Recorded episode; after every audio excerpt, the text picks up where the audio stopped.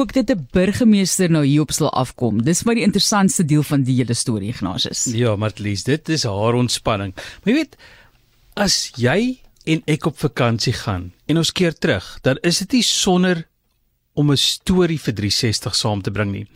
Al is jy met verlof, sien jy 'n storie as dit daar is. Dis hoe ons ingestel is.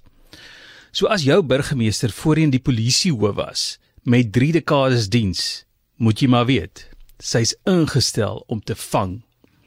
So het Jane Caster, burgemeester van Tampa in Florida, Amerika besluit om bietjie te ontspan. Die viswaters het haar geroep.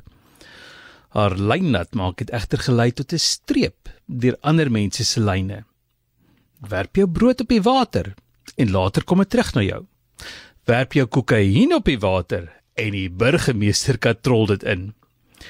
Toe Jane van nader kyk na die besoedeling wat in haar viswaters dobber, het sy 'n kokainvangs van 31,7 kg ter waarde van meer as 20,6 miljoen rand op haar boot geland. Sy het die dwelmfonds so groot soos 'n mikrogolfoond aan die kuswag oorhandig. Sy het duidelik nie die regte permit vir die vangs gehad nie. Weereens, wat is die kanse?